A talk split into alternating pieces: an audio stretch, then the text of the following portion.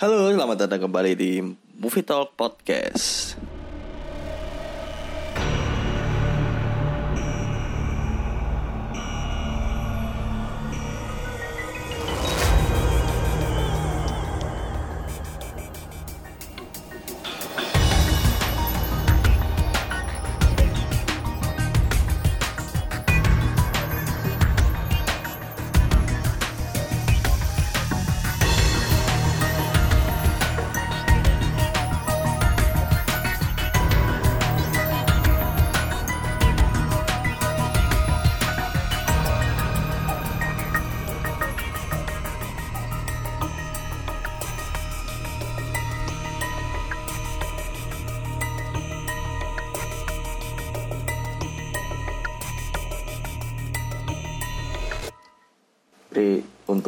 Kali ini kita sangat berbahagia karena saya baru baru aja lihat film komedi.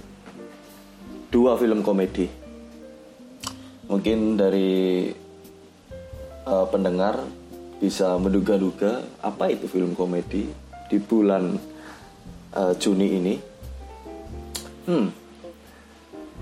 Ada dua aktris yang berperan di dua film ini.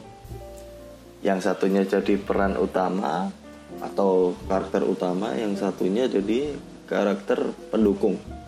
Ayo, apa ayo? Uh, ya, kita akan bicara soal film Hit and Run dan Ghost Rider. Oke, okay, um, kita mulai mulai dari Hit and Run dulu ya. Hit and karena Hit and Run adalah film pertama yang saya lihat. Yang kedua adalah Ghost Rider itu baru kemarin. Dan uh, Hit and Run ini uh,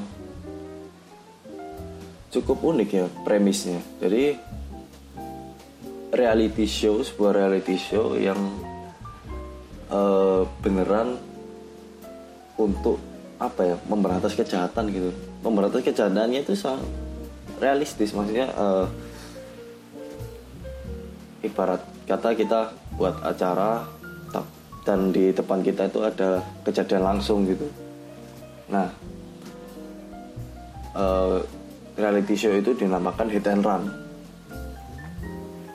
Dan karakter utamanya di sini ada Jota Slim lalu dibarengi oleh uh, siapa? Youtuber itu Chandra Leo. Yang satunya juga Jeffrey Nicole. Ya. saya lupa nama karakternya tapi ya sebut aja nama aktor aslinya aja. Nah di awal-awal scene kita disuguhi oleh opening yang sangat apa ya komedik gitu. Di film-film sebelumnya Jota Slim dikenal sebagai sosok yang serius. Sangat serius uh, gagah dan apa ya ketika kita melihat Jota Slim uh, kita sudah punya image bahwa Jota Slim ini akan memerankan karakter action di film ini itu di jungkir balik men. Justru aku malah ketawa gitu. Uh, gini banget coba sampai uh, apa ya? Kocak lah pokoknya. Jadi uh, tapi di saat itu uh, untuk apa ya namanya itu ya? Pertemuan antara karakternya ini masih ini. Masih ya bisa dibilang cukup cukup dipaksakan. Uh, uh, bukan cukup sebenarnya agak dipaksakan ya. Terutama uh, karakter Jota Slim ketemu sama Chandra Leo. Nah uh, jujur ya untuk effortnya Chandra Leo ini bagus. Eh, istilahnya itu bener-bener berjuang mati-matian demi film ini. Contoh dia rela menaikkan berat badannya hanya untuk film ini. Karena mungkin menurutnya dia uh, dia main ya main film bareng Jota Taslim. Yang di mana Jota Taslim itu adalah orang yang gagah uh, berani jago bela diri sedangkan Jota, uh, sedangkan Chandra beliau dikenal dengan sosok yang komedik dan ya tau lah di YouTube YouTube-nya itu kalau kalian lihat channel YouTube-nya pasti nggak jauh dari yang namanya komedi. Nah, itulah alasan kenapa dia menaikkan menaikkan berat badan dia eh, sampai 109 kilo kalau nggak salah ya. Kalau nggak salah ya. 109 kilo atau 103 gitu. Dari 80. Wah. Naik berapa kilo ya, Pak? Perempuan aja kalah gitu. Fokus fokus back to the topic uh, apalagi ya oh ya yang paling yang paling aku suka itu pada saat pertemuan karakter antara dua orang ini Jota Slim dan uh, siapa namanya Jeffrey Nicole itu bertemu gitu dari awalnya aja itu sudah Wih, ini udahlah pokoknya ngakak terus bawaannya tuh. Wah. Apalagi yang saat Jeff Nicole bilang uh, kasihan Jema. Jema itu adalah nama apa nama anak nama gabungan sebenarnya dari Jeffrey dan Manda gitu kenapa namanya jadi Jema gitu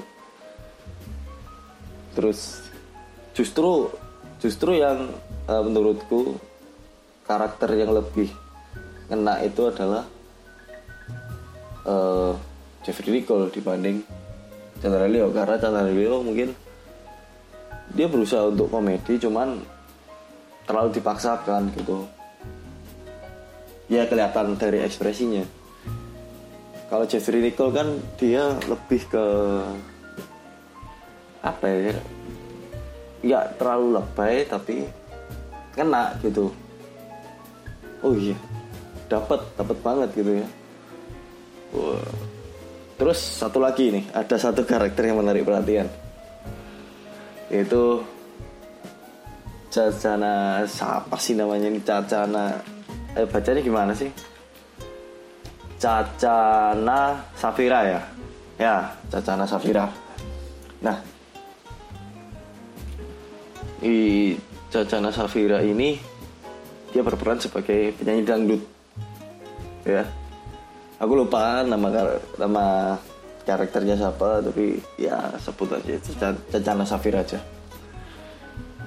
Nah eh Cacana Safira ini cukup menarik perhatian terutama dari segi kostum.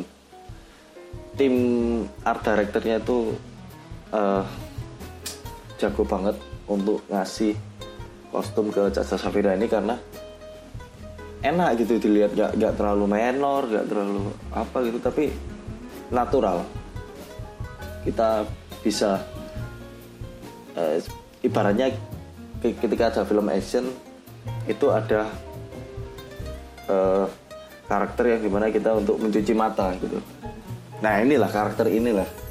Ya, Caca Safira ini Caca Na Safira ini sebagai uh, pencuci mata gitu tapi nggak hanya itu uh, karakternya memang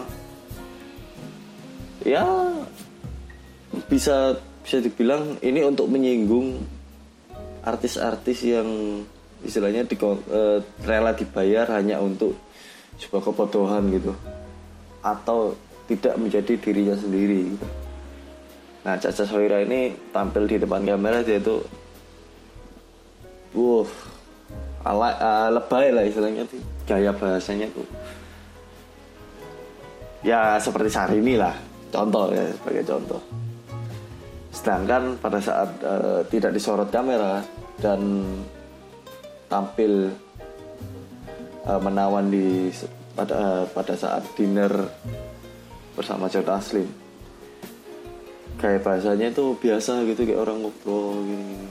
oh ternyata memang karakter ini tuh dibuat untuk menyinggung artis-artis uh, yang seperti itu gitu. Atau bukan artis atau apa ya pokoknya seperti itu. Rela dibayar demi kepopularitaasan oke okay, uh, kita masuk ke uh, fighting scene ya. Fighting scene-nya ini biasanya kita kalau lihat film komedi komedi uh, action gitu ya. Uh, contoh filmnya Jackie Chan. Ketika Jackie Chan perhatikan fighting melawan musuh-musuhnya itu akan diselipi komedi.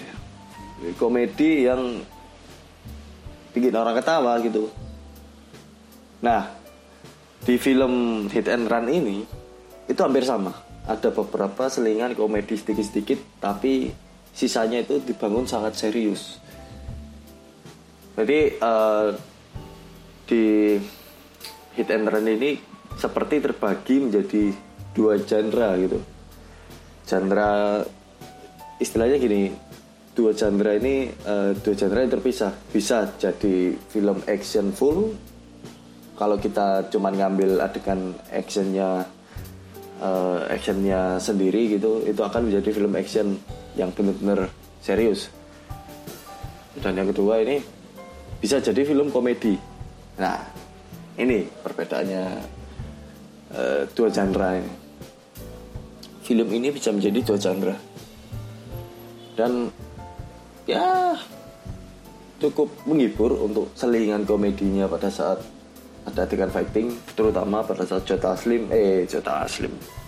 Uh, Chandra Leo dan Jeffrey Nicole gitu.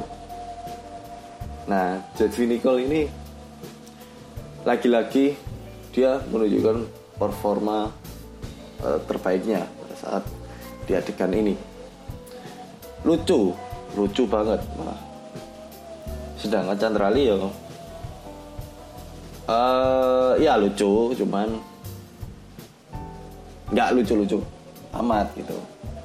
Tapi dari adanya karakter ini sungguh, sangat menghibur lah. Oh ya satu lagi. Uh, ada tadi yang kelewatan ya. Untuk pengenalan karakter Chandra Leo yang di diskotik itu kalau salah. Itu seperti uh, apa ya terlalu dipaksakan kayaknya. Ya dia itu ekspresinya kelihatan banget gitu kayak lebay gitu. Oh iya. atau emang itu arahan dari Hodi ya selaku sutradaranya gitu. Gimana menurut teman-teman? Nanti bisa kita buka sharing diskusi di Instagram Movie Talk Podcast ya. Nah, di Chandra Leo ini ya itu dah seperti yang kita katakan dia effortnya bagus tapi mungkin cara aktingnya oh, lebih dibenahi lagi. Dan uh, aku lebih suka ya aktingnya Chandra Leo di film single. Filmnya Raditya Dika nah itu pas banget itu. Karakternya Chandra Leo di situ keluar. Nah tapi kalau di film and run ini kayak dipaksa untuk seperti itu gitu. Jadi kurang pas saja uh, terus lagi ya? Uh, ya. Di mana ada film action pasti kita akan uh, disisipkan dengan sesi-sesi drama. Nah ini. Di mana ada adegan Chandra Liao dengan ibunya bertemu dengan Joe Taslim. Uh, dan bicara uh, tentang Joe Taslim ini uh, ngasih tahu alasan kenapa dia membuat program hit and run karena dia uh, membuat program ini itu untuk adiknya yang terkena narkoba jenis baru nah ini narkoba jenis baru ini diedarkan oleh sekelompok uh, mafia yang dipimpin oleh Medok ya bukan bukan. Siapa itu apa? Yayan Rian ya. Yang di uh, diedarkan oleh Yayan Rian. Dan narkoba ini bisa bertambah uh, membunuh membunuh seseorang gitu nah adiknya ini tuh kena korban media narkobanya itu berupa permen kalau nggak salah permen atau jajan-jajanan sekolah gitu Nah adiknya ini kena korban, dia hampir mati dan dia mendadak hilang ingatan. Dia nggak inget kakaknya siapa, lalu uh, pokoknya hilang ingatan lah. Tiba-tiba dia hilang ingatan. Nah, Joe Taslim ini membuat suatu program untuk mem bisa ya, untuk bisa atau untuk membantu mengingatkan oh ini kakak kakak gue nih ini Jota Slim gitu. Nah dengan cara membuat program itu untuk membantu membantu ingatannya nah, saya malah lebih prefer uh, Jota Slim dengan adiknya dibanding uh, Chandra Leo dengan ibunya. Uh, lebih enak yang ini yang Joe Taslim uh, dengan adiknya ini. Karena emosionalnya dapat gitu. Nah uh, untuk uh, bagian terakhir ini cukup plot twist ya plot twist yang di mana ternyata rekan atau atasannya Joe Taslim sendiri itu adalah villain sebenarnya gitu. Nah nggak kaget juga gitu waktu mendengar eh waktu menonton. Ternyata ini adalah plot twist gitu cuman uh, hanya karena sebuah cemilan yang berbasis narkoba ini uh, ingin atau apa ya dipaksa. Jadi gini adiknya nih tiba-tiba itu disandra gitu. Disandra lalu kalau Jota Taslim Jota Taslim Jota Taslim coba Jota Taslim kalau Jota Taslim mau uh, supaya adiknya selamat dia harus memakan jenis narkoba baru ini. Dari uh, atasannya gitu. Segini. Lalu Joe Taslim ini mengambil dan dimakan. Bukan bukan eh, nggak langsung ditelan ya. Maksudnya masih masih dikemu gitu. Tiba-tiba adiknya ini sadar mas gitu. Atau ah lupa lah. Pokoknya gitu lah. Sebut nama lah. Joe Taslim gitu. Nah ini uh, ternyata ini yang membuat dia ingat gitu. Hanya sebuah jajan yang pernah dia makan mungkin ya. Uh, untuk emosionalnya cukup oke, okay. nggak terlalu uh, sedih-sedih amat gitu. Seenggaknya kita terhibur dengan komedinya. Nah, kita lanjut ke film kedua yaitu Ghostwriter. Nah, Ghostwriter ya kalian tahu kalau misalkan kalian penulis Ghostwriter itu apa gitu. Ghostwriter itu adalah uh, seorang penulis yang menuliskan ceritanya untuk penulis lain gitu. Setidaknya eh, tapi tapi si Ghostwriter ini nggak nggak disebutkan namanya siapa gitu. Nah inilah ghostwriter. Dan premis ini cukup unik Ghostwriter ini digambarkan dengan hantu beneran gitu yang di mana hantu ini diperankan oleh uh,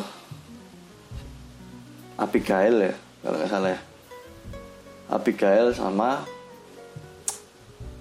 cowok ini G. Pamungkas. Nah untuk karakter utamanya di sini yaitu Cacana Safira. Yang di mana adalah karakter pendukung dari Hit and Run. Uh, untuk dari segi pembukaannya ya. Kayaknya uh, kayak apa istilahnya kayak aku ingat sama satu film ini yaitu pengabdi setan. Jadi di bagian awalnya ini banyak sekali uh, teknik-teknik ah, apa sih namanya ini? Namanya pokoknya ngesut di depan rumah gitu. Ah, aku lupa teknik apa ini namanya. Pokoknya itulah. Ngesut di depan rumah terus di dalam rumah. Ngesut di depan rumah lagi terus di dalam rumah. Jadi uh, terlalu sering kayak gitu tuh jadi ya lebih nggak ngena gitu jenis-jenis shootnya hampir sama ya maksudnya dari dikeliatin rumahnya sedikit dan ada foreground kedaunan gitu. Hampir sama. Cuman beda rumahnya. Kalau ini rumahnya cukup megah gitu. Dan ada satu pemeran pengabdi setan yaitu anaknya ini. Ini siapa ya namanya ya? Aku lupa ya bentar. Uh,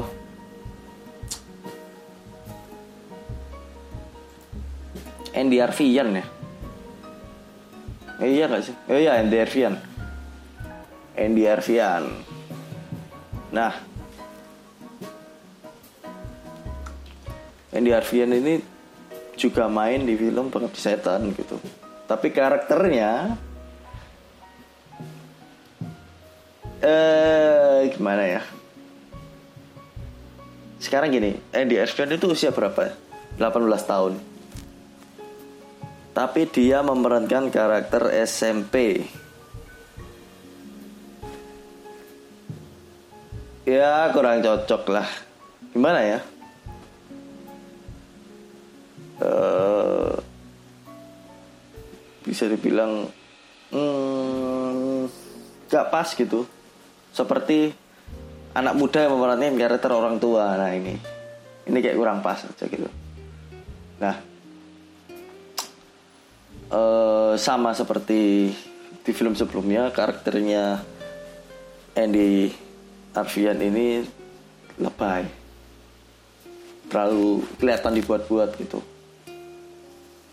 Uh, nggak istilahnya tuh nggak nggak karakternya dia itu nggak keluar sebagai anak SMP malah lebih kayak kayak anak SD nah lebay kan.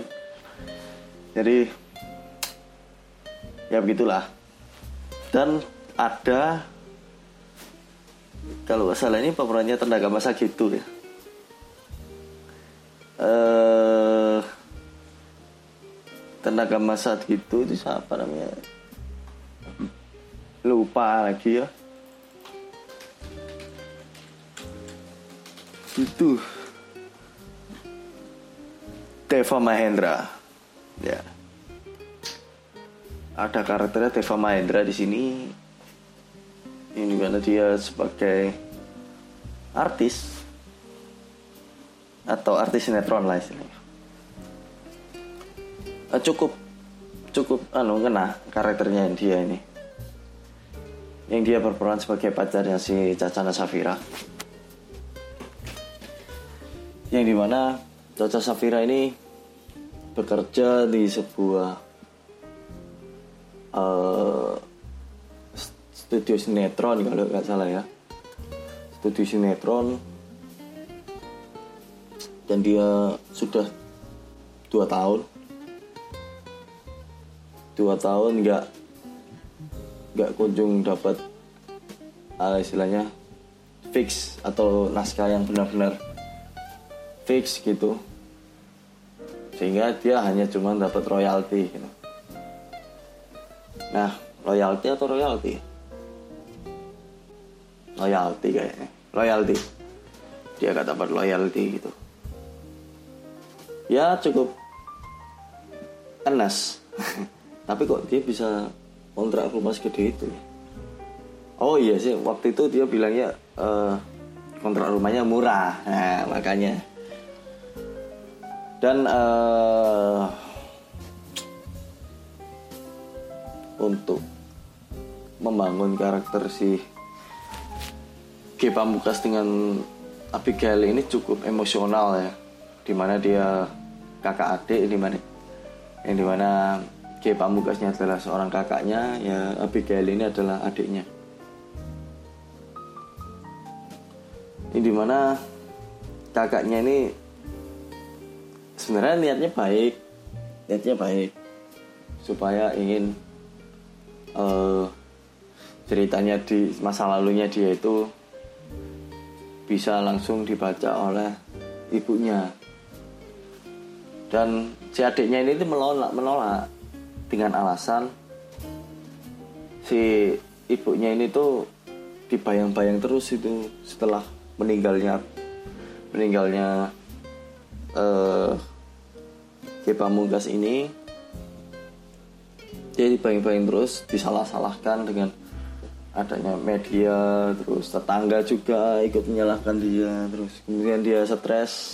Akhirnya kedua orang tuanya sengaja tidak memasang foto mereka berdua supaya ingin melupakan uh, kejadian itu gitu. Cukup emosional ceritanya uh, unik ya. Biasanya kita dengar cerita kayak gitu itu manusia gitu yang perankan. Tapi ini tuh hantu. Jarang ada film kayak gini. Dan untuk sisi komedinya nah ini. Jujur aku kurang suka. Karena iya dibandingkan dengan hit and run pada saat nonton gitu aku nggak sengaka uh, waktu nonton hit and run gitu. Aku hanya nyaman di di bagian ceritanya aja untuk film Ghost Rider ini karena ceritanya menurutku lebih dapat dibanding hit and run. Dari kedua film ini ada plus minusnya ya. Ya itu tadi plus minusnya. Kan uh, karakter. Ada karakter di mana dua orang yang berusaha untuk istilahnya uh, saling berpendapat gitu. Yang di mana itu ada Ari Keriting dengan satu lagi itu siapa? Lupa lah. Pokoknya itu komedinya dapat sih cuman uh, kenapa dia harus acting di dalam kantor situ terus gitu?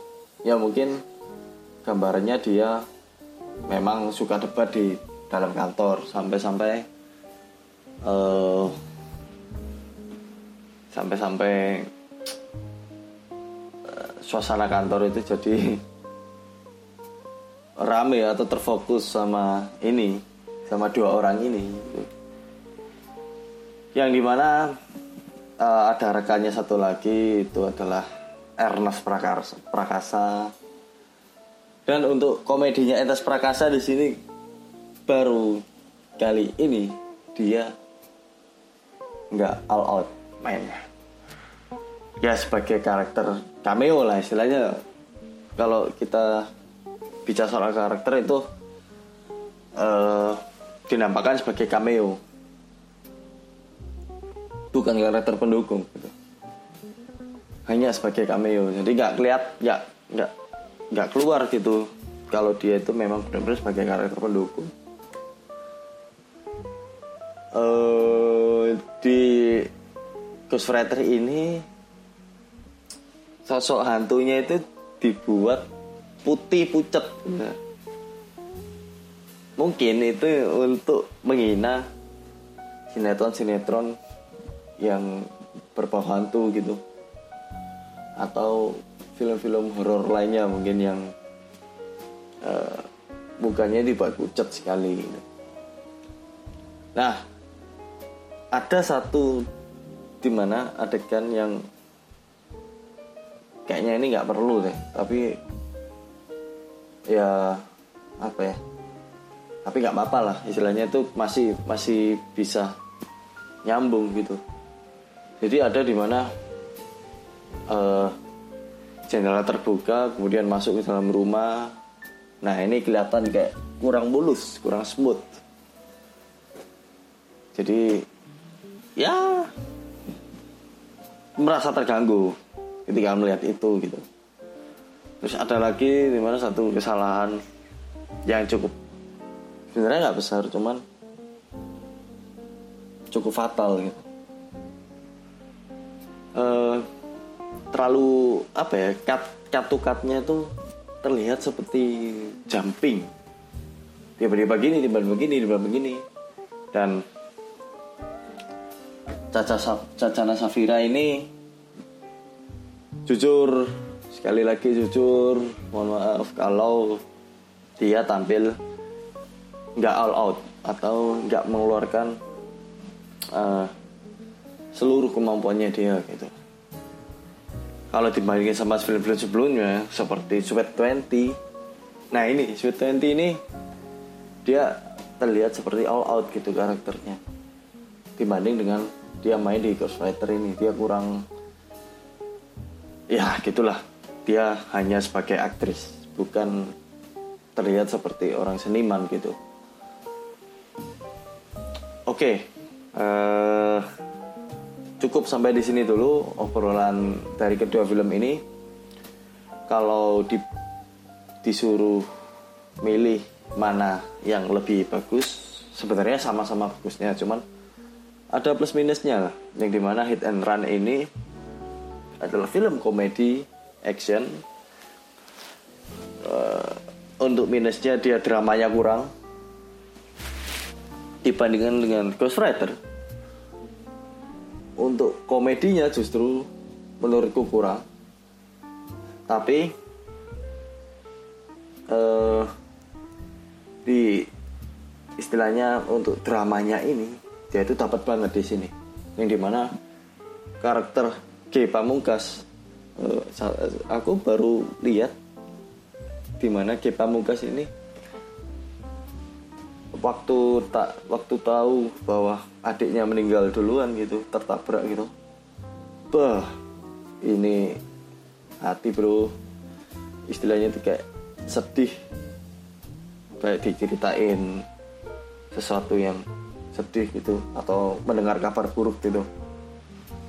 Jadi untuk endingnya saya lebih prefer ke Ghost Rider dibanding uh, uh, dibanding ini Hit and Run.